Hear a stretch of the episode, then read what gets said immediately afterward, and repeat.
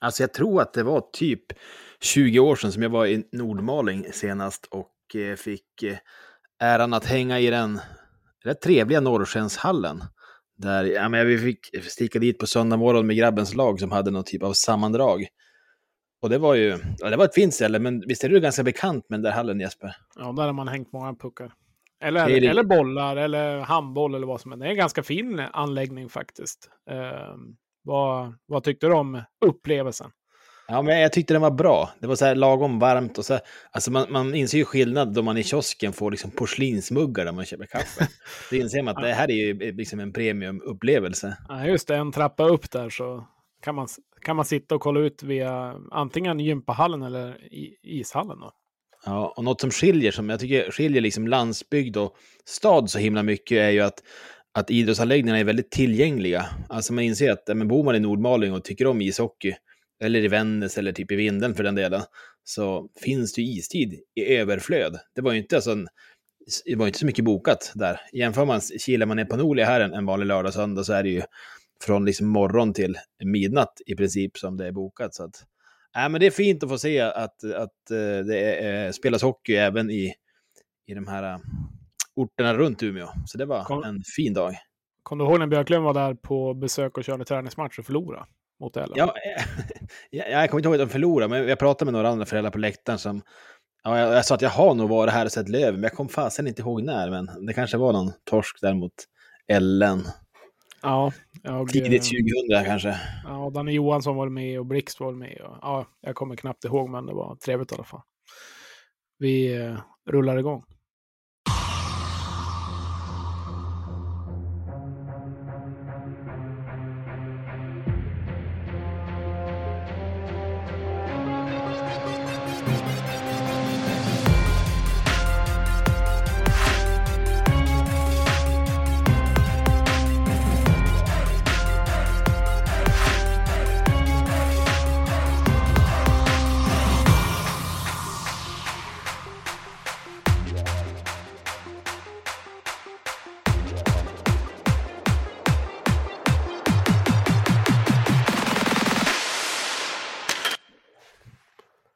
Ja, men du vet vad jag också fått göra i veckan som jag tyckte var himla roligt.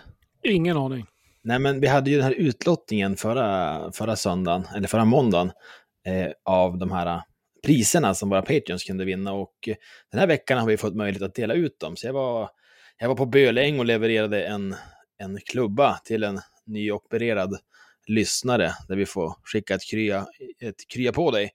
Och har även haft kontakt med Kristoffer som bor i, i Limhamn. Alltså det är ju i, utanför Malmö. Ja, Eh. visst är det ganska otroligt ändå. Ja, Jag tycker det är fantastiskt. Han, han spekulerade om han kanske var den mest sydliga söderlövaren av dem alla. Så vi kan väl, vi kan väl eh, skicka ut den. Finns det någon som bor längre söderut än Limhamn och håller på Löven så skulle vi gärna få reda på om det Men finns. det gäller bara i Sverige då, eller? för jag vet att vi har lyssnare utomlands också. Ja, men exakt. Vi ska väl jobba i Sverige. Eh, Ja, Eller har vi, någon i Kap, har vi någon i Kapstaden så hör av hör av er, då fixar vi en mugg ifall ni bor ännu mer söderut. Jag har också varit och fryst idag på en öppen is, också på, eller Böle äng då. De har en ganska fin eh, isplan där som, eh, som de spolar. Eh, det är gott om Lövenprofiler runt om också, men jag såg ingen på isen där. Men det var, det var riktigt kallt tyckte jag, det måste jag säga. Det är väl nackdelen med ishockey, att det är fan inte varmt. men trevligt i alla fall. Ja, det är alltid trevligt. eh, Det är det. Den här spontanidrotten som man gör ute, den är ju som oslagbar nästan. Det här just, ja men, när ljuset börjar komma tillbaka. Och, det är klart att kylan kan ställa till det, men det, det har ändå någonting. Det är där Ja. allting börjar. Det vart eh, korvmackor i bilen faktiskt. Men eh, det var väl svagt av oss. Men eh, det var, det var lite förfrusen familj. Men eh, trevligt var det i alla fall. Eh, det har ju spelats lite ishockey även den här veckan. Och jag tänker att vi måste väl ta och gå igenom det positivt och negativt givetvis. Så vi ska ha med en gäst även idag. Idag är det avsnitt 21. Eh, man ett eh, Powell-avsnitt, eller kanske Foppa då. Ja, men Eh. exakt. Eh, Supermåndag, 20, 21 veckan den här säsongen som vi går igenom. Hockeyallsvenskan med lite gröngula ögon och det ska vi väl försöka göra även. 21 veckor låter lite sjukt igen. Har det varit så jävla länge? Ja, det är ju bara att konstatera att Ja. det måste det vara. Säsongen rullar på. Ja, jag tyckte den här veckan, det var ju så himla nice att vi fick avsluta förra veckan med två vinster där man gick som en mös. Eh, hela måndag, tisdag, onsdag, torsdag, fredag. Och jag var så orimligt mm. laddad på att, liksom, att Löven skulle spela hemmamatch. Och, jag träffade upp en kompis och hans grabb eh, på stan och vi käkade mat och allt var liksom frid och fröjd. Och så blir allt liksom pannkaka då Löven inte vinner. Så att, eh, det är ändå med lite frustration man sitter här på söndag kväll och känner att ja, eh, den där matchen har vi ju sett flera gånger förut, då Löven är bättre men inte får ihop det. Så att, eh, det ska bli väldigt skönt att få prata om lite annat, tycker jag, än just Björklöven.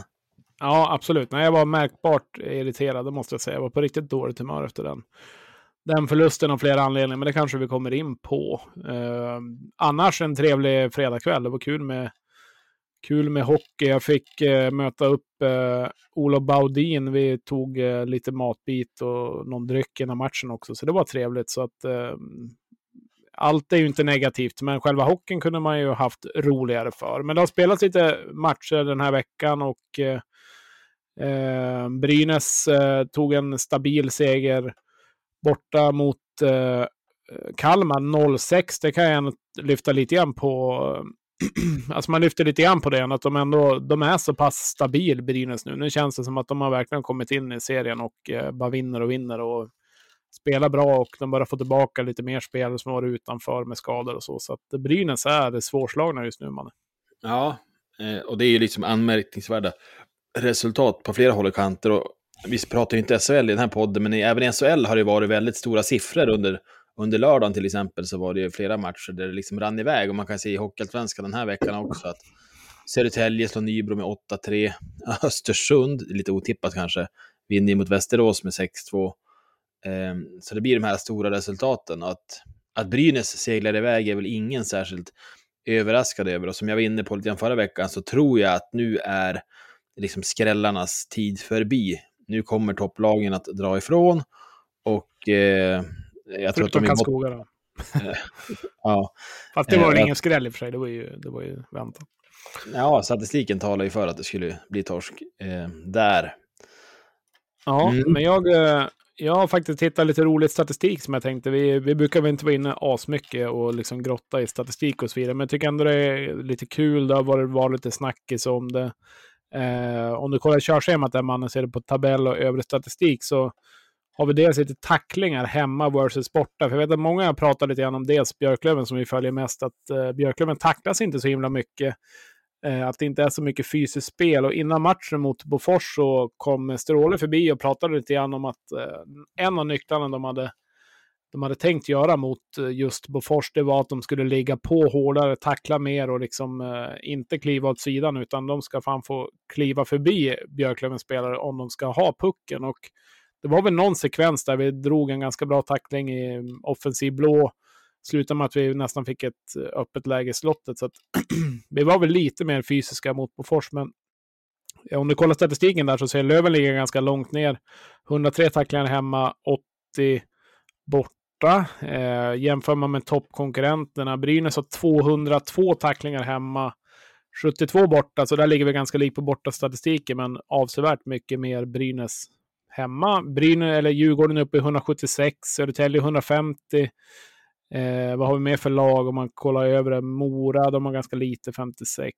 Eh, AIK snäppet mer. Är det något som sticker ut där tycker du? Förutom Västervik då, på 329 hemma, 88 borta är ju anmärkningsvärt. Nej, men, ja, nej, men jag är inte världsmästare på statistik, men det är anmärkningsvärt att alla... Eh, att de allra flesta lagen tacklar mer hemma Eh, än på bortaplan. Det är lite anmärkningsvärt tycker jag. Men, men att liksom kollar man i botten att AIK har satt in 41 tacklingar på hemmaplan under hela säsongen. Det är fasen sjukt. Det är typ en och en halv tackling per match.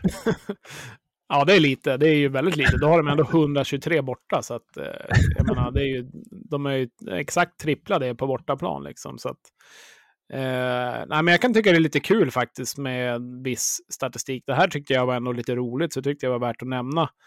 Eh, Visst saknar man lite det fysiska spelet hos Löven? Man skulle vilja se lite mer liksom smälla på och vara lite osköna. Ja, alltså... Alltså de här supertacklingarna, alltså Kronwall-tacklingarna och så vidare, det händer ju inte så ofta, givetvis. Men eh, just kunna tackla för att erövra pucken eller liksom eh, rent det, sätta lite momentum i matchen eller vara lite jobbig jävel och så vidare tycker jag man saknar Löven. Att, eh, lite som Palmebjörk var inne på när vi hade honom i podden. Eh, att det är ingen riktigt som är så där irriterande. Under skinnet, tänk Hutchins när Crandall var till exempel, munnen gick ju ett och de var ju, de var ju riktigt jobbiga att möta. Eh, Fryklund i Västerås och så vidare. Det är ju som, jag vet inte, vem är det i Löven egentligen? Malte Sjögren skulle väl vara det. Eh, men inte vet jag, förutom att han jobbar hårt om han är så mycket och upp med svettiga handskar i facet och så vidare. Det är ingen som är så direkt jobbig. Nej, eh, och ganska liksom mjuka. Jag tror GD har väl inte sjungit ont att möta Löven en gång på hela säsongen. Eh, och, och Rahimi nu senast, han kan inte ens få fem minuter då han sätter in en riktig tackling. Då måste domarna gå, gå in och ta bort den. Så snälla har Björklöven blivit. Ja, men blir så snäll så att inte Rahimi kan ta en regelrätt femma, då är, det, då, då är det för dåligt. Nej, men det ligger ju ändå någonting i det. Jag menar, Brynäs är nästan Eh, dubbla tacklingar hemma var, var det väldigt bra hemma också givetvis. Alltså, men eh, vi måste ju ändå prata om Västervik som har 329 hemma, och 88 borta. Nu har inte Västervik varit vansinnigt stark, men alltså, det är ju en differens på 240. Liksom. Det är ju otroligt ja. stor skillnad. De går på ruset eh, inför publiken där i, i Västervik. De känner att ja, men de vill man inte svika, utan där vill man bjuda upp till lite show.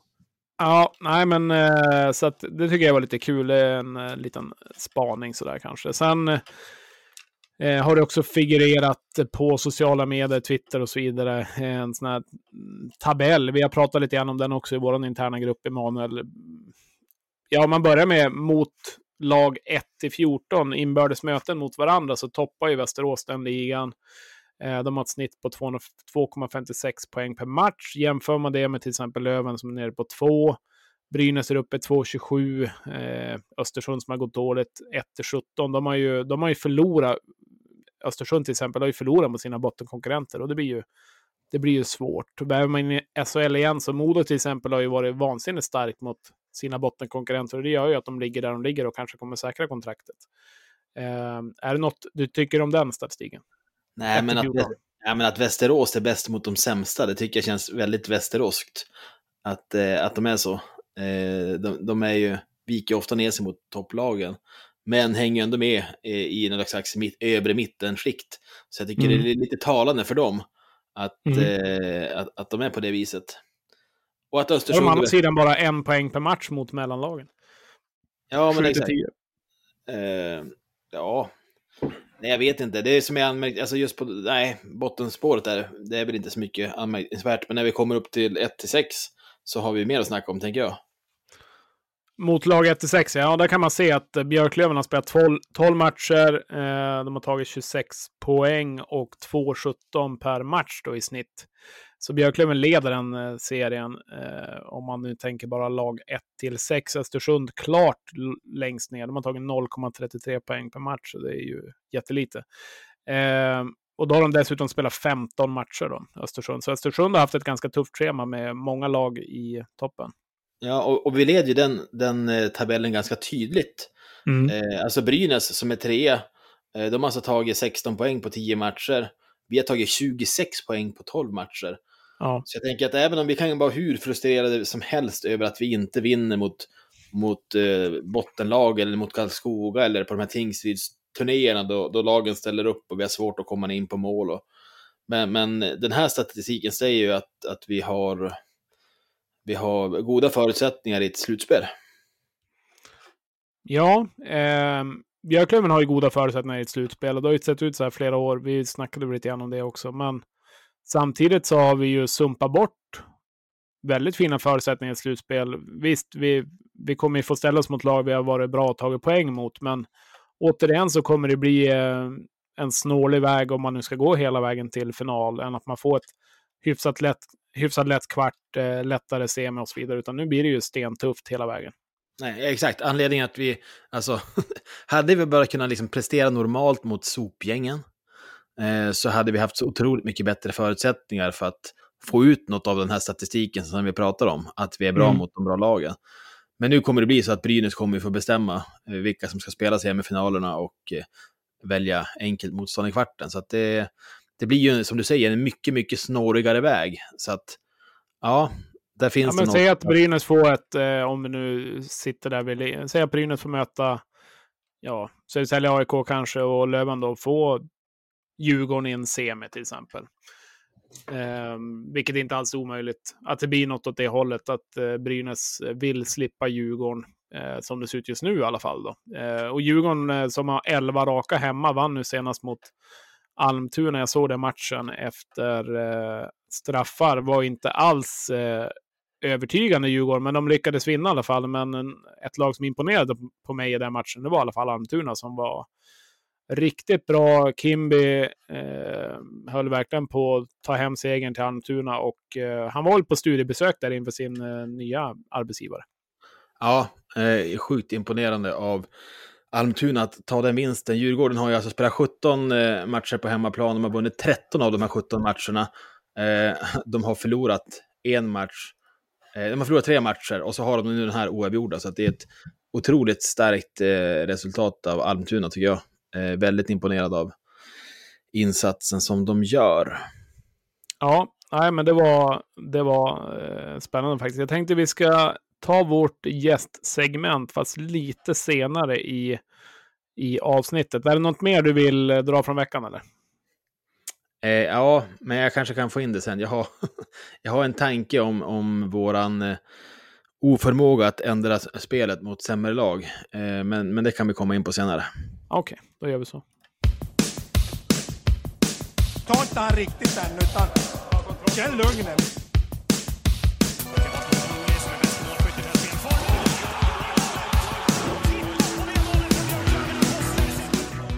Veckans grej. Ja, veckans grej och Emanuel, eh, hövlig som jag är så tänker jag att du får börja helt enkelt. Ja, du, vi var ju precis inne på det som var min veckans grej. Du hann liksom lägga upp den. Det var just den här Almtuna, Almtunas prestation på Hovet som jag, jag kan bara lyfta på hatten åt den. Och om det var Kimby som ville imponera på sin nya arbetsgivare eller vad det var. Men, men, men det, är, det är sjukt starkt, för Djurgården är så fantastiskt hemmastarka och eh, men det var på en lördag de spelade va? Eh, att, ja, det var igår ja. Precis. Att liksom åka ner till Stockholm och knipa en, en poäng där på en lördag. Det är starkt. Almtuna, de har ju verkligen inte gjort något väsen av sig på slutet, men har ju gått starkt den här veckan. Så att eh, jag tänker att eh, ja, de tog en, en 2-0 först mot Östersund och sen en poäng mot, mot Djurgården. Och det, det gör ju att de blir liksom ett, eh, ett stabilt lag. Alltså om man tänker att de inte ska åka ur, det är väl deras ambition. Så är ja, det de här alltså poängen. de ligger nia. Eh, man har någon match mindre spelad än vissa lag. Eh, de har fyra poäng till en sjätte plats och de har 10, 20 poäng ner till trettonde plats. Så att, eh, de är verkligen ett mitten, mittenlag där, men eh, klara sig kvar kommer de att göra. De kommer inte tappa 20 poäng på, det är knappt något att spela med. Nej, alltså nu är, alltså nu är ju Kimby klar för, för Djurgården. Mm. Men det finns ju en, annars en ganska stark koppling mellan Almtuna och Örebro. Där de har hämtat liksom, flera tränare genom åren. Så att, ja, jag var lite nyfiken på att, att, eh, att han kunna, hade kunnat hamna där eh, nu då Hedberg inte fick eh, vara kvar. För att Almtuna, de har ju fasen inte en spänn på kontot. De har 400 personer på matcherna. De ligger väldigt liksom, stabilt nu från att eh, undvika kval. Alltså de behöver inte ta mycket. De kan säkert snitta under en poäng per match resten av serien. Så kommer de att klara sig. Så jag tänker de kanske kommer bli årets Västervik som säljer ut lite spelare och så vidare inför slutspelet. På tal om Västervik så uh, Mora mot Västervik spelar ju just nu as we speak. Klockan är 20 i fem när vi spelar in där. Alltså de hängde precis ett 1-2 borta mot Mora uh, i början av tredje perioden. Det är väl ungefär hela perioden kvar. Så det vore ju en skalp ifall de skulle vinna. Vi lär väl hinna hinna in på det innan vårt avsnitt är klart. Men de leder i alla fall just nu borta mot Västervik. Eller mot Mora. Det är starkt. Mäktigt. Uh, ja, nej men så att uh, Almtuna, uh, men på tal om publiken, publiksiffran i Almtuna så det är ju anmärkningsvärt att de har så himla lite, men det är ju verkligen ett lag som förtjänar mer, för de spelar ju faktiskt en väldigt rolig hockey också. Jag menar, personligen om jag hade bott där nere eller någonting, då hade jag kunnat gå och se någon Antuna-match bara för att det är kul att se hockey, men sen de presterar ju ändå ganska bra. Kimby står ju för en rolig offensiv frejdig hockey också. De har ju mycket, mycket um, unga spelare och många som är framåt och så vidare. Så att, eh, nu är det ju knappast mycket Almtuna-supportrar som lyssnar på den här eh, hockeypodden, men vad fan, få dit folket. De förtjänar ju betydligt mer folk än liksom 500 pers på en, på en match. Det är ju jättelite. Ja. Nej, man måste fatta, alltså, de har ju ett plåtskjul som ligger i någon slags rövarområde i Uppsala. Eh, så att, ja, man kan fatta att folk eh, drar sig för att sticka dit. Eh, Uppsala är ju en stor stad men liksom, ja, ganska så här, som Umeå, mycket studenter och sånt. Så att, skulle de bara ha, ha någon, någon slags vettig hall på en bra location så tänker jag att de hade ju kunnat vara en klubb att räkna med på riktigt. Men ja, hockeykulturen verkar inte vara särskilt eh, rotad i den staden.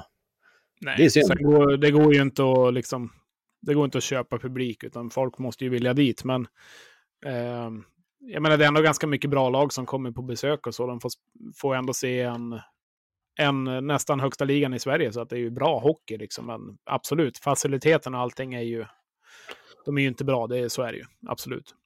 Vad har du för någonting då i, i veckan som du tycker har stuckit ut i positiv bemärkelse? Ja, jag, nu blir det så här vissa grejer vi har varit inne på också. Eh, men jag skrev väl mer än vanligt i alla fall. Dels när Rahimis femma som drogs tillbaka. Nu har väl det hänt någon gång tidigare också att de... Eh, det är ju lite så att när de tar en femma också, det är ju för att det behöver inte vara så att de initialt tycker att det är en femma heller när de ser situationen, men det är ju för att de ska kunna få komma in och eh, kolla på den i efterhand. Och det kan jag tycka är bra så länge det går relativt snabbt.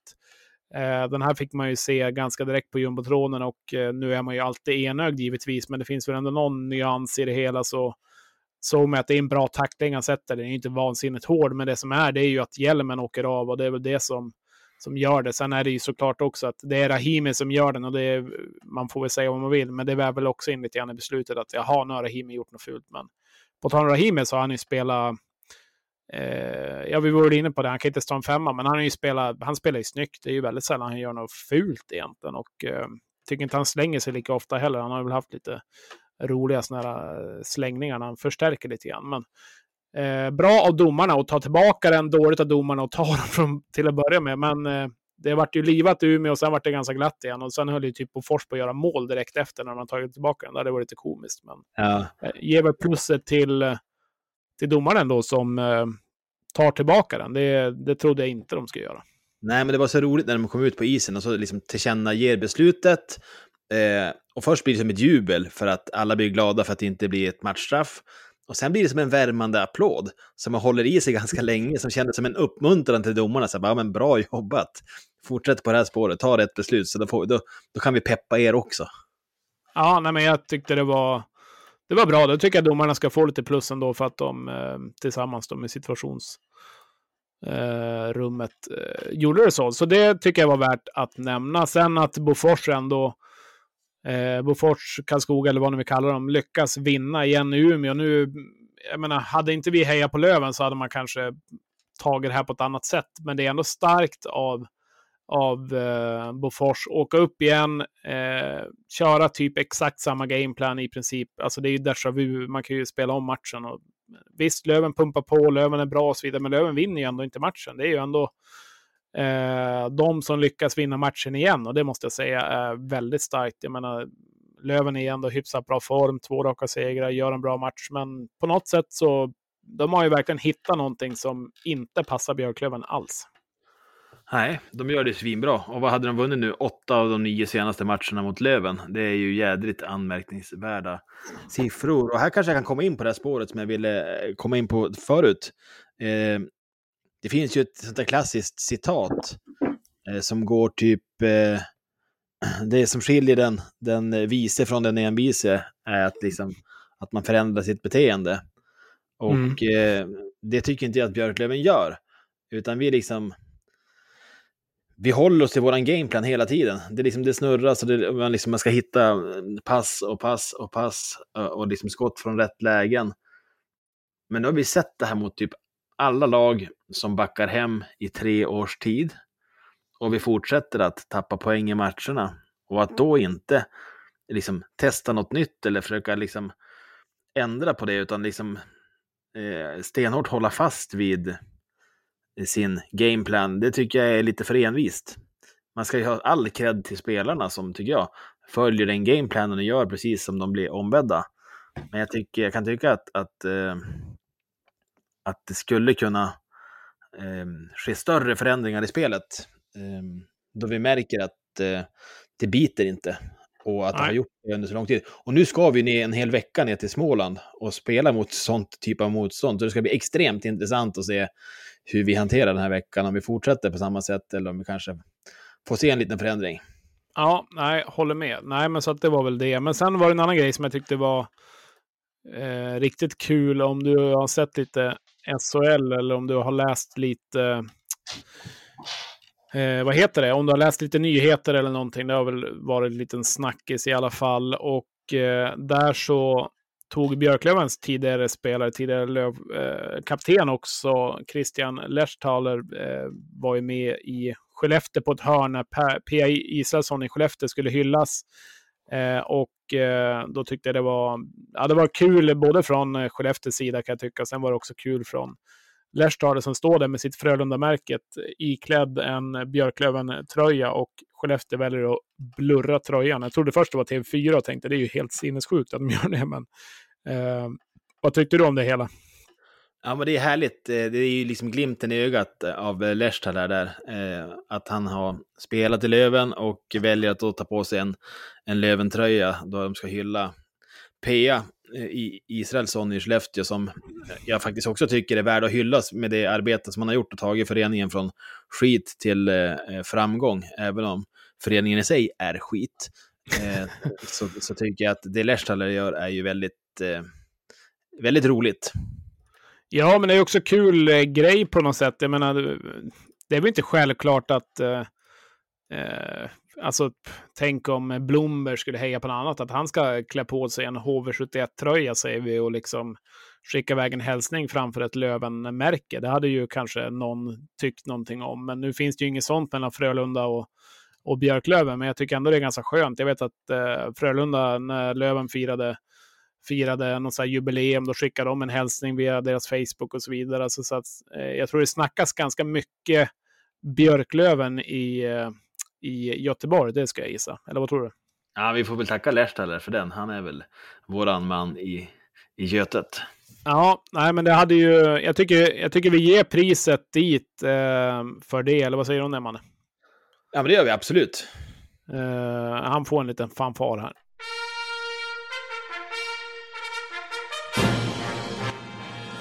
Och sen kanske lika bra att eh, vi måste ju ringa och kolla med honom själv vad han tycker om eh, sitt nyaste pris här från eh, 1970. Eller vad säger du? Ska vi ta en signal dit bort? Vi ringer. Ja, inte ringer jag det inte. Ja, vem fan är du då? eh, ja, då har vi tagit oss 10 eh, mil Eh, från Göteborg i någon skog här i en bil så har vi, har vi en väldigt eminent gäst, eh, Christian Lerstaler. Varmt välkommen till vår podcast. Tack så mycket. Eh, ja, eh, vi väver in det i ett segment här som eh, vi kallar för veckans nej och det har ingenting med det att göra givetvis så, utan det är för eh, eller veckans grej är det. det. det. var när du hade på en Björklöven-tröja här när Skellefteå körde en hyllning till Pia Isaksson och eh, du valde en väldigt fin tröja just den dagen och eh, Skellefteå valde och blurra det. Så det var kul från båda håll. En liten kommentar på det bara. Ja, eh, jag fick ju frågan om att skicka en videohälsning till eh, Pia Israelsson där och eh, jag råkade ha en sån eh, retrotröja. Eh, jag hade faktiskt gett bort den till en kollega som fyllde 40, men eh, han hade den på jobbet så att jag lånade den, tillbaka den. Och eh, det blev lite fyndigt så att, eh, det kändes kul. Ja, det är bra. Visst var det ganska svagt att Skellefteå blurra ett så fint märke? Ja, eh, det är lite upp till dem som jag sa, men det, de, de kanske känner av konkurrensen. Jag ja. väljer att se det så. Ja, det är bra. Ja, verkligen. Du Christian, eh, vi måste ju bara göra en kort återblick till, ni hade en återförening av ert lag som gick upp här till SHL ja, nu senast Björklöven gick upp, det är ju ett tag sedan under förra säsongen. Hur var det att få återse gänget och eh, hur var den kvällen tillsammans? Ja, det var ju jätte, jättefantastiskt bra gjort från eh, Björklöven och eh, jättekul att få träffa alla såklart. Och, och vi fick till och med bli hyllade på isen och, och stå inför klacken och sådär. Så det var ju, ja, det, jag har faktiskt inte varit jättemycket i Umeå sedan jag lämnade Umeå så att eh, det kändes väldigt speciellt och kul. Så att eh, nej, ja, det, det, det borde jag göra oftare. Komma upp och kolla hockey och vara i gamla klassiska isladan. Så att eh, nej, det var kul. Det var jättekul. Ja, du kände igen katakomberna där. Ja, ja, det, det, det, ja, men det är en härlig känsla. Lite uppfräschat var det, men eh, nej, det var klassisk mark. Eller hur? Man försöker, man försöker sminka det där så gott det går, men man, liksom, man känner ändå originaldoften, den, den ligger kvar där. Absolut, det, men det finns något speciellt i det. Mycket ofta så är det, man måste komma ihåg sin historia för att kunna eh, göra stordåd framåt. Så att, mm. jag hoppas att vi kunde ge energi in i föreningen och till fansen och till laget. Absolut. Vi Björklövens supportrar, vi väntar ju på vårt SHL-avancemang och drömmer om det fortsatt. Eh, Frölunda, ni har ju varit etablerade sedan uh, urminnes tider, höll jag på att säga. Men uh, då man ser på Frölunda så är det ju en, finns en otrolig kontinuitet på ledarsidan, framför allt med, med du Christian, med Fredrik, er sportchef och uh, Roger Rönnberg i båset. Vad, ni, ni har valt att gå på det spåret, tänker jag. vad har det betytt för er att, att få haft den här kontinuiteten under så lång tid? Jag tror att eh, vi prövar den andra metodiken under några år innan där före och, och det blev eh, eh, svaja resultat och det kostade en del pengar för föreningen. Så att eh, i och med att vi fick en ordförande i Mats Grauer som kom in eh, 2011 eh, efter det så blev det en, en helt annan kontinuitet på ledarsidan och att eh, vi bygger egentligen på ledarskapet och våra värderingar ifrån grunden och så eh, för man med sig det in, in i säsongerna efter säsong efter säsong. Så att, sen, sen finns det alltid en gräns för hur lång kontinuitet, men, men eh, vi har haft, också haft turen och lyckan och haft några stora ledare. Framförallt Joel Lundqvist var, var ju en galjonsfigur för oss under väldigt många år i Frölunda. Så att, eh, Joel också en stor del i det här och, och, där, där var det ju kontinuitet. Jag tror han gjorde 20 säsonger i Frölunda. Så att, eh, men ibland måste man eh, addera till eh, något extra och ibland måste man göra förändringar. Men vi har trott på kontinuiteten över tid. Det har varit bra för Frölunda. Mm. Jag tycker det är härligt att se, för som du säger, det är ju en, en bransch som är väldigt resultatstyrd och där man ofta eh, ersätter ledarna just då det går trögt. Jag tycker Björklöven, vi har haft, vi har haft en större kontinuitet, kontinuitet de senaste åren, både ja, från styrelse till klubbledning eh, till lagkapten som vi har haft Fredrik Andersson nu i många år och eh, även Viktor Stråle som är inne på, på sitt, eh, vad är det nu, tredje säsong. Så att eh, vi får väl se om det kanske även kan vara ett framgångsrecept för, för Björklöven den här säsongen. Följer du Löven någonting från din SHL-position? Jo, det gör jag ju. Eh, det är klart, eh, man, man kollar tabeller och man försöker se matcherna på tv och, och lite sådär och går in och, och tittar emellanåt eh, det, det går lite i perioder, det beror lite på hur, hur vi har det på, från vårt håll. Men det är klart att eh, också de åren tycker jag att vi har haft ett, ett, ett lyckosamt samarbete också på olika sätt. Eh, vi hade Jakob Petersson där, eh, mm. vi hade Pontus Andreasson eh, och eh, nu, nu är Dove Nilsson där och han är kanske inte utlånad men det är någon Frölunda-spelare så att det finns säkert fler. Stenqvist då, då blir det att man tittar lite extra. Ja, eh, är det ett eh, ganska uttalat samarbete? För det har ju varit mycket spelare som du säger, Frölunda till, till Löven, du och, du och Kente då, eller, eller har, ni, har ni bra kontakt överlag med, med Björklöven hyfsat kontinuerligt och hur tycker ni att utvecklingen av spelarna har varit i Björklöven? det har ju varit fantastiskt. Alltså, det absolut bästa exemplet är ändå Jakob Petersson och då hade vi ändå lite mer uttalat, lite mer eh, på pappret juridiskt samarbete. Eh, under de andra åren, senare åren, så har det varit lite mer till och från. Men vi hade ju en, en center i Pontus Westerholm, eller Patrik, jag brukar blanda ihop de här två. Vi hade i alla fall en center Westerholm som bröt benet eh, och, och gjorde illa sig på slutet på säsongen och då hade vi Jakob Petersson färdigbakad i Björklövens organisation och eh, han kom in och blev, eh, faktiskt breddade oss och gjorde oss bättre och vi vann SM-guld det året 2019. Just det. Så att, eh, det var ett grymt exempel på ett bra samarbete eh, mellan Frölunda och Björklöven. Det är vi otroligt tacksamma för. Nu är ju eh, Jakob i NHL va? så att eh, det blev ganska bra för honom. Ja, ja absolut. Eh, nej, men lite grann det också. Det är ju två olika, två olika ligor. Vi spelar ju ishockey i samma land, men det är ganska stora skillnader SHL kontra Hockeyallsvenskan och det är ju alltid snack om tv-avtal och så vidare. Du som ändå varit eh, lite i båda delarna såklart med säsonger i Hockeyallsvenskan och nu när du har varit så pass länge i SHL och även ett väldigt etablerat lag givetvis som har stor, eh, stor makt i svensk hockey. Hur ser du generellt sett på ligastrukturerna som den ser ut idag, SHL, Hockeyallsvenskan? Ser du några förbättringar, förändringar där?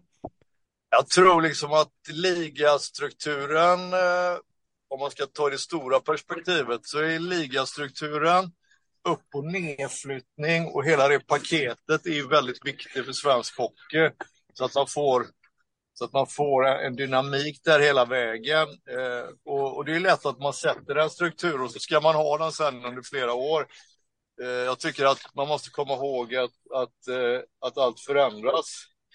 Eh, både i spelet, eh, i spelarna och i svensk hockey. Så att jag tror att det är viktigt att försöka utvärdera över tid så att man inte fastnar på, på, eh, på något gammal, gamla sanningar.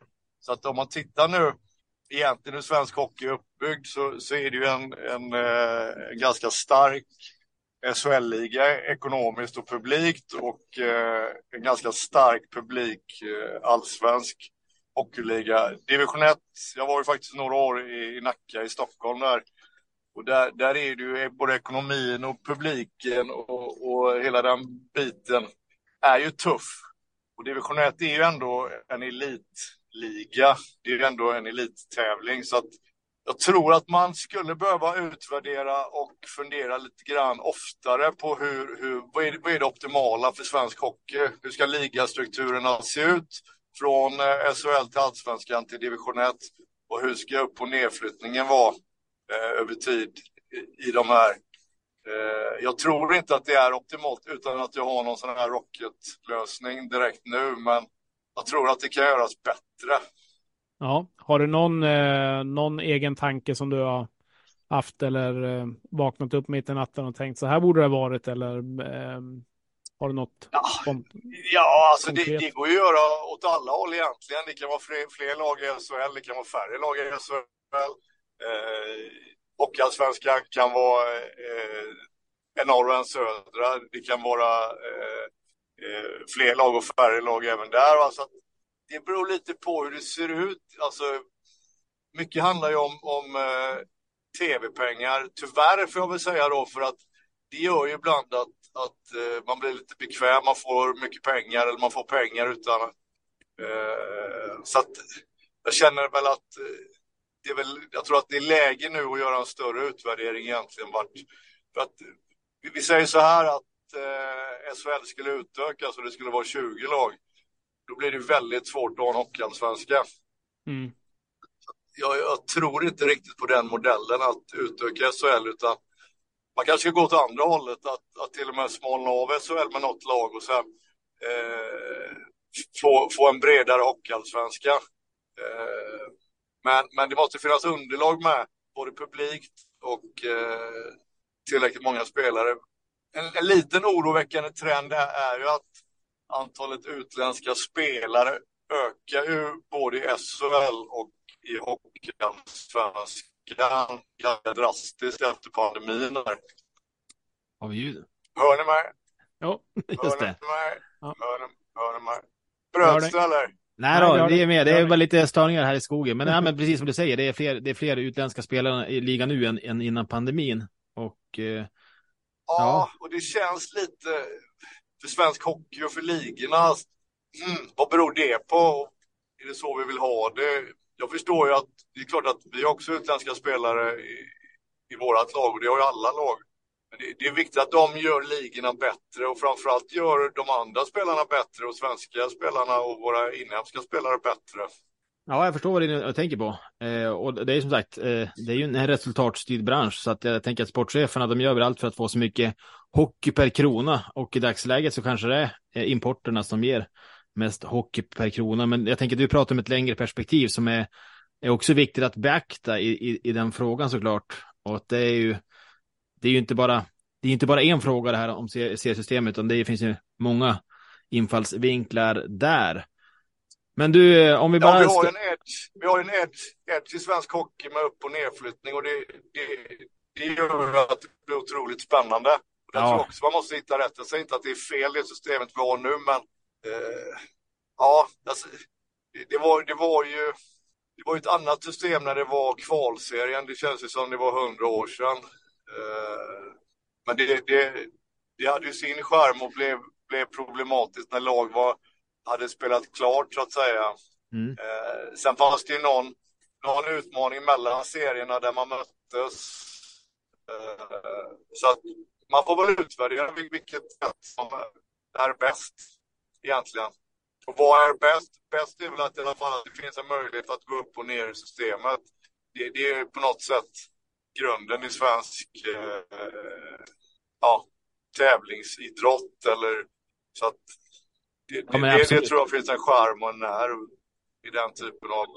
Ja, men exakt. Jag tänker att alla är överens om att, att det är en viktig del. Sen ska man utvärdera kontinuerligt och att jag tänker att det är viktigt att, att många röster får komma fram där så att det inte bara är de stora starka SHL-lagen utan att även hockeyallsvenska föreningar, både större och mindre, har en möjlighet att påverka där. Men du, eh, det drar ihop sig nu eh, här på vårkanten. Björklöven ska göra sitt allra bästa för att ta steget upp. Eh, vad skulle du säga om våra förutsättningar? Tror du att det kan få firas i Umeå i vår eller blir det ännu en deppig sommar här uppe? ja, alltså i grund och botten så hoppas man ju verkligen det. Eh, jag tycker faktiskt, jag led lite med eh, Björklöven under pandemin där. Det kändes som att den serien där mot Modo, eh, den var ju otroligt spännande och, och eh, kändes som att Björklöven var riktigt starka och riktigt på gång. Så blev det ställt. Att det, efter det så känns det som att Björklöven är med hela tiden och slåss om att gå upp, men, men inte riktigt få till det i slutändan. Så att, jag hoppas verkligen att eh, eh, man prickar. Det handlar mycket om att ha rätt form när det ska avgöras. Så att, eh, jag hoppas verkligen att man är där i år. Det hoppas vi också. Frölunda är väl det formstarkaste laget i SHL å andra sidan sen i slutet på november eller någonting. Hur känner du inför er säsongsavslutning och stundande slutspel? Ja, det är väl som du säger. Vi, vi passade på att börja lite skralare då. De första, ja, vad kan vi säga, 20 omgångarna var väl inte... Eh, vi var svajiga både i prestation och resultat och framförallt bortaspelet var ingen, eh, ingen höjdare. Så det tog ett tag för oss. Vi hade ganska många nya spelare, väldigt många nya spelare och en föryngring så att det får väl vara vår lilla ursäkt då, eller förklaring i det här att det har tagit lite längre tid och nu, nu, nu verkar vi ha fått ihop alla delar och de senaste tio omgångarna har vi visat att, att eh, vi är ett lag att räkna med så att vi får väl hoppas att vi kan ha samma avslutning nu då av säsongen som vi, vi har gjort här nu. Så att, eh, men, men jag är ödmjuk inför att det är jäkligt jämn serie och det går ganska fort där. Det svänger fort så att det gäller att vara där varje vecka och varje kväll så att man får inte blicka för långt. Nej, eh, nej men stort tack eh, Christian och lycka till med ditt eh, arbete i Frölunda och eh, er som klubb. Hoppas det går bra för er att ni får fira lyckosamt och även vi givetvis. Vi, eh, vi är glada att du valde att eh, gästa oss och eh, skulle det finnas tid och möjlighet längre fram här, kanske under säsongen eller efter, så ta mig gärna mer eh, spelarkarriärmässigt av det, men nu vart det väl mer i stort. Så att, eh, det är kul med hockey tänker vi och vi är glada att du valde att träffa oss en liten stund. Absolut. Lycka till till er och eh, hör av er om det är någonting. Det ser jag bara fram emot. Så ha det bra. Tack så mycket.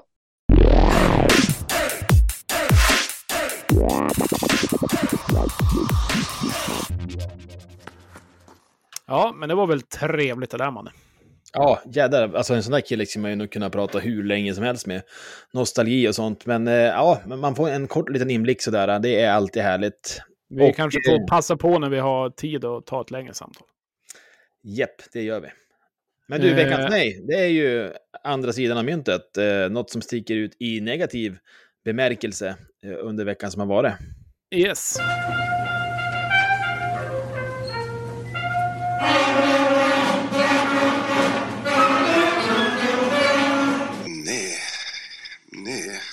Jag tror faktiskt inte. Nej. Eh, jag tar på mig att börja. Går det bra? Kör!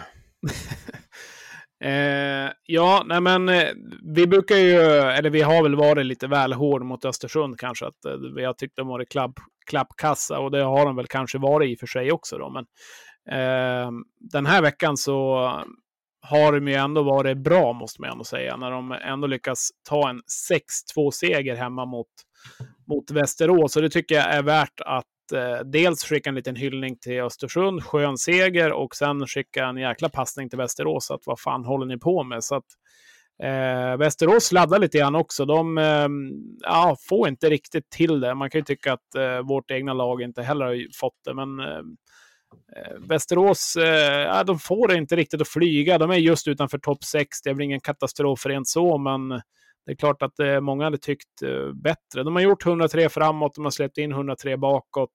Sticker inte ut så där vansinnigt mycket och eh, levererar inte stjärnorna så känns det som att eh, då går det sådär. Liksom. De har ju överlägset släppt in mest mål av de här topplagen också. Så att, eh, kolla lagen bakom, ja då har du Kalmar på elfte plats släppt in 108. Så att ingen ovanför har släppt in mer än Västerås heller. Så att de släpper in ganska mycket mål, de har problem med försvar och målvaktsspel och levererar inte topparna, då, då blir det ofta en förlust. Så är det. Nej, men de är lite som Löven, fast ännu sämre bara. Ja, precis.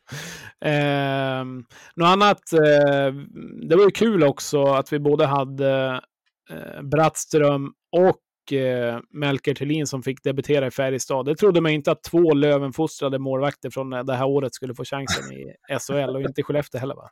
Nej, eh, nej, så var det. Eh, och en sak därifrån så tyckte jag var för jäkla dåligt av Färjestad. Sen vem exakt som har gjort det, men det blir ju på Färjestad som tar något klistermärke över Thelins hjälm och klistrar över Björklöven-loggan. Det tycker jag är vansinnigt svagt. Det är som om du skulle åka på ett landslag eller någonting och du har en egen hjälm och när de sätter på en Tre Kronor-logga istället för att man inte ska få visa vart man är ifrån.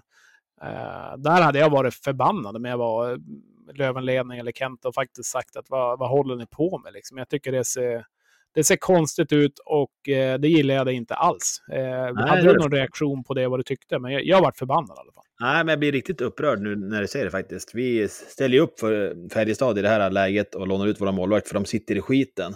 Då ska inte de vara inne och kladda på, på målvakten utan de ska... Eh, vi, har ju mer Melker där för att kunna visa upp honom och då vill man ju ha lite varumärkesreklam också. Eh, så det är ju... Det är ju värdelöst av Färjestad. Vilka sopor. Det där får de ju skärpa Ja. till. Ja, inte bra. Inte bra. Du, jag tänkte göra eh, två flugor på smällen här och eh, både nominera min veckans nej och ha ett quiz samtidigt. För att svaret på det här quizet, det är eh, min nominering. Och jag, Okej. tänkte, eh, jag tänkte att det skulle gå undan. Och det är samma upplägg som vi kört förut. Det är fem frågor, Ja. eh, eller fem liksom poängnivåer. På fem poäng, det är en hockeyspelare i Hockeyallsvenskan som jag söker. Mm. På fem poäng, då är det alltså en 33-åring som har gjort eh, eh, 427 hockeyallsvenska matcher i två föreningar. Alltså 427 matcher i två olika föreningar. Han är 33 år. Kanske fyller 34 år nu när det är nytt år. Mm. Får vi någon gissning på fem eller? Vad sa du? Får vi någon gissning på fem poängsnivå? Nej, jag tror inte det. Nej, men på fyra då. Det, det var svår femma. Eh, på de här 427 matcher har den här Östersundsbördige killen producerat 274 poäng, varav 147 mål. Hur mycket mål hade han sa du? 147 mål på 274 matcher. Nu har han gjort några matcher sedan jag gjorde det här quizet, eh, så att det kan ha gått upp lite grann. Både antal matcher och antal mål, men inte så jättemycket. Men man inser att han har varit i ligan ganska mycket. Ja, jag kan ta trean också. Jajamän, på tre poäng. Den här högerfattade forwarden kom till sin nuvarande klubb från Timrå inför säsongen 1920, där han har bildat radarpar tillsammans med seriens näst bästa mustasch. Och du vet att Wiklund har ju den bästa, så att det är alltså den som... Ja, den är faktiskt... Eh, den är faktiskt riktigt bra. Har vi någon gissning på tre poäng? Uh, ja, vänta ska vi se. Ja, men du, då rullar jag vidare till två poäng här. Det här är, nu blir det lite lättare tror jag. Eh, Dalalaget som han spelar i fick klara sig utan sin eh, skarpskytt under fem matcher under hösten. Och han har i dagsläget levererat sju mål och fem assist på 25 matcher.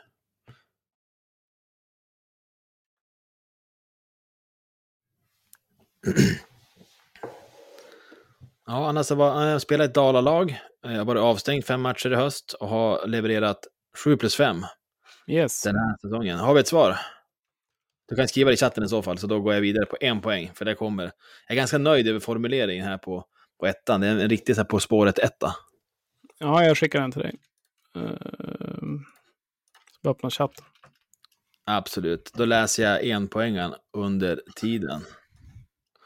Vad är det för person som vi söker? Johan är det ju.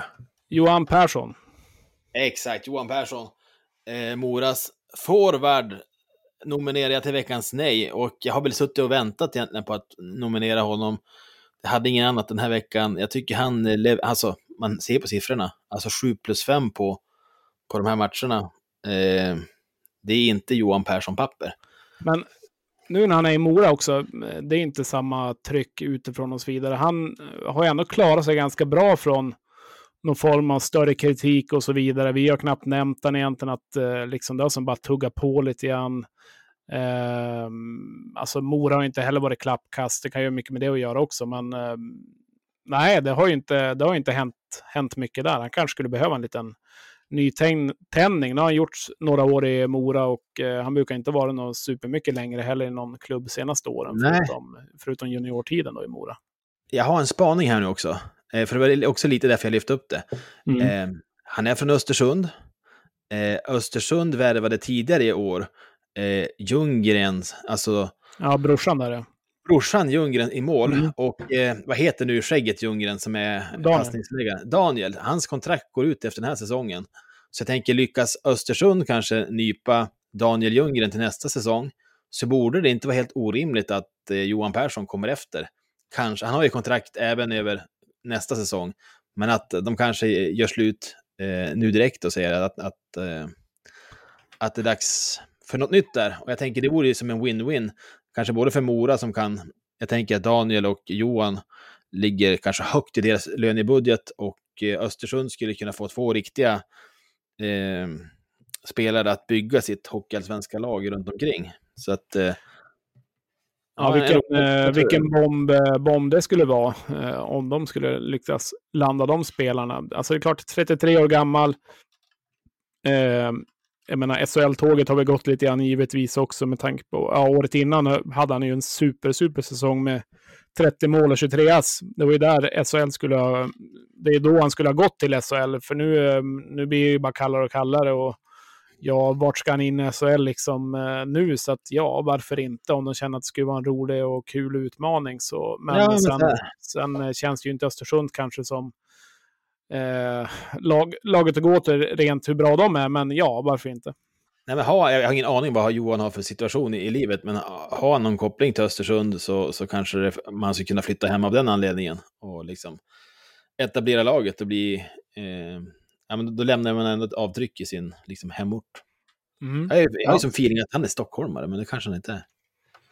Han är ju han är ju place of birth Öst, Östersund i alla fall. Men han, eh, var, han är väl typ från, spelar i Huddinge eller något sånt där. Ja, så Eh. kan det vara. Vi får se. Jag tycker vi ska ändå ge en veckans nej till eh, Färjestad. ja, ja, faktiskt. Jag tycker det är, alltså nu är det inte bara för att det är Björklöven, men jag tycker att det är, det är ju fan svagt. Alltså det skulle jag nästan vilja ha en förklaring på varför. Jag ty tycker inte det har blivit någon snackis av det heller, men jag tycker de förtjänar det här i alla fall. Så att, eh, grattis till, till Färjestad. Det trodde jag aldrig vi skulle utnämna dem till veckans nej, men eh, varsågod. Jag tror faktiskt inte. Nej. Ja, det, man, det börjar väl lida mot sitt slut här så småningom också. Jag ska bara kolla tvärt eh, hur det gick i den Hockeyallsvenska matchen som var igång här idag, eh, så att vi har den också. Ja, det var lite kul när jag sa att eh, Västervik hade gjort 1 eller 1-2 som flashcore hade, men nu är de verkar ha tagit bort det eller vad som hände med målet, så nu är det Mora som leder med 2-1 plötsligt. Så att, tre minuter kvar och Mora i ledning. Så från att ligga under med 2-1 i podden så har de vänt till seger 2-1, eller snart seger. Det är starkt ändå, mannen. Ja, det är ju så när, när vi ligger på Mora två veckor i rad, då, då vänder de. Och Johan Persson har ju såklart gjort mål idag också, så att eh, det kanske nu vändningen kommer där nere. ja, precis.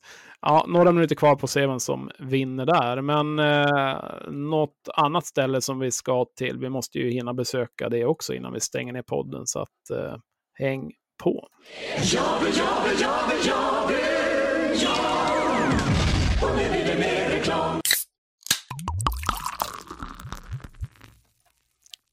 Yes, en dryck som hälls upp, det är ju gott oavsett om det är med alkohol eller inte. En Loka eller vad det nu kan vara, men Facit Bar är med oss även den här veckan. Det tackar vi för och det är vi glada för givetvis. Och eh, Facit har ju nu lagt ut sin kalender och det underlättar ju inte bara vårt jobb utan kanske deras också. Så att då är det lite lättare att se vad som vad som händer egentligen på Facit Bar. Och jag tänker jag klickar in där och kollar lite grann hur det ser ut. Idag är den 14, när vi spelar in där, den 15 januari. Och i februari så kommer de ha ett eh, eh lite back-to-back-möte eh, med Cirkus från Piteå. Så jag vet att eh, Facit åker dit och eh, Piteå kommer hit. Så att det är lite kul att de gör lite sådana grejer. Det kommer vara någon rally-VM kör de lite special, Rom, Robban är tillbaka och så vidare. Så det händer ganska mycket på facit framöver. Jag tänker vi lägger ut den kalendern när vi lägger ut avsnittet också i våra sociala medier. Så att, eh, och Lövenplankan tickar vidare, mannen. Jajamän, varje matchdag då går vi dit och käkar Lövenplankan. Vi ses. Stort tack för det, Facit. Tackar, tackar.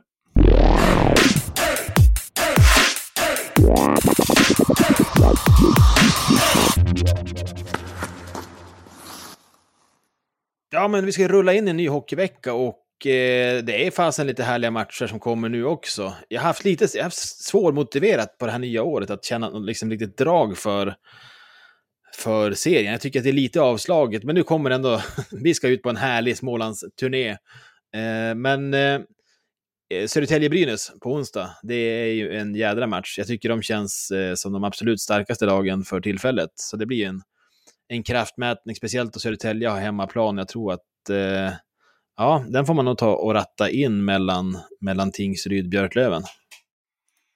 Ja, eh, det, är ju, det är ju synd att det är här, alla matcher är alltid samtidigt. Det tycker jag är lite det tycker jag är lite tråkigt. Det är som när man kollar på SHL på lördagar. Då kan man se lite matcher tre och sen ser man lite matcher efter. Så det hade varit gött att ha det istället. Men absolut, eh, det blir kul också att se lite grann hur Västerås tar sig an veckan. Eh, sladdat lite grann och det är klart att Björklövens vecka är ju vansinnigt intressant. Nybro borta, Kalmar borta, Tingsryd borta. Det är ju mardröm. Och eh, Kilke var ju smart som tog en femma Eh, fick en, två, tre matchers avstängning. Så han slipper ju den där Smålandsturnén för att vara hemma och käka popcorn och ha det lite gött istället. Så det var väl smart av han va? ja, mycket uträknat. Nej, men sen så är det ju Djurgårdsderby i veckan också. Det är väl på, är det på fredag eh, yes. som de spelar Djurgården och AIK. Nu är det på Hovet, så att då tillåts ju inga borta supportrar. Eh, och det är ju tråkigt för själva inramningen, men jag kan ju tänka mig att det kommer ändå bli ett jädra tryck ur Djurgårds perspektiv sett. Ja, jag ser att det står hovet här, så jag vet inte. Men det kanske är hundra att det är hovet då.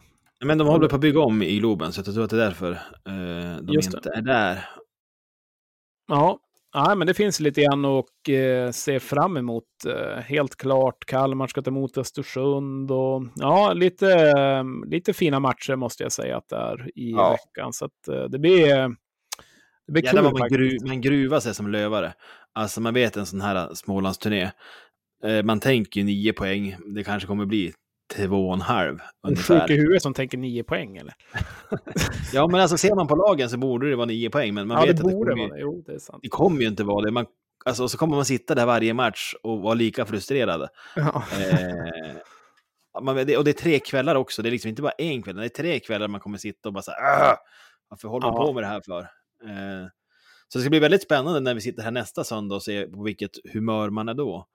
Eh, vill man dela sin frustration med oss eh, så får man ju hemskt gärna göra det på sociala medier. Eh, och då kan man till exempel skicka oss meddelande på Instagram eller på Twitter på radio1970se. Eh, man kan skicka mail till podcast radio1970se. Jag själv håller på att eh, överge nästan alla, alla sociala plattformar till förmån för vår Discord, för det är, det är nästan där det roligaste hänget är. Och det är inte förmån man- Treads eller? Nej men Threads, visst har vi kanske snart lagt ner det? Det flög ju inte svinbra. Nej, men jag tycker så här att eh, Discorden den är ju svinkul faktiskt. Och eh, vill man hänga med där, då blir man en Patreon. Och hur blir man det, Jesper? Eh, ja, man går in på eh, ja, www om man vill göra det, men annars eh, patreon.com slash radio 1970, patreon.com slash radio 1970 och eh, eh, där måste jag också ge en shout-out till en av våra patrons, coach Bengtsson, Andreas Bengtsson, eh, hemhörande i UIK, eh, är väl juniorerna där han eh, han tränar, tränar eller liksom exakt hur det funkar vet jag inte. Men eh, han var med i efterfest som vi bara släpper via Patreon här i fredags och hade en lite intressant träningsrapport när han hade varit på träningen. Så att där måste jag säga att han gjorde ett fint inhopp, eller hur Emanuel? Ja, det var fasen strålande. Riktigt roligt och eh, eh, kul att få de här eh, rapporterna från träningarna också. Från, från en liksom, inte VK-perspektivet som är ganska trött, utan någon som sitter där med våra supporterögon och ser de här eh, riktigt nördiga detaljerna. Och eh, det är en förmån. Och eh, som sagt, det, släpps på efter, det släpptes på efterfesten som, som bara släpps för, för våra patreons på fredagar. Eh, Ja, så att vi säger ju jättestort tack till alla som är det och eh, även stort till alla andra som inte är det, men som ändå lyssnar på podden och supportar. Vi hoppas och eh, att ni får en riktigt fin vecka här i januari. Mörkret höll jag på att säga, men det blir ljusare i alla fall. Ja, verkligen. Jag hoppas ni får en fin vecka. Och vi har ju några muggar kvar. Och som alltid är det så att ni liksom tog fempoängsnivån där på Emanuels, Emanuels quiz. Och då hör ni av er. Då fixar jag en mugg till er på ett eller annat sätt. Så att, eh, tack för att ni lyssnar. Eh, ta hand om er och eh, var rädda om er givetvis. Och eh, vi säger eh, slang ut.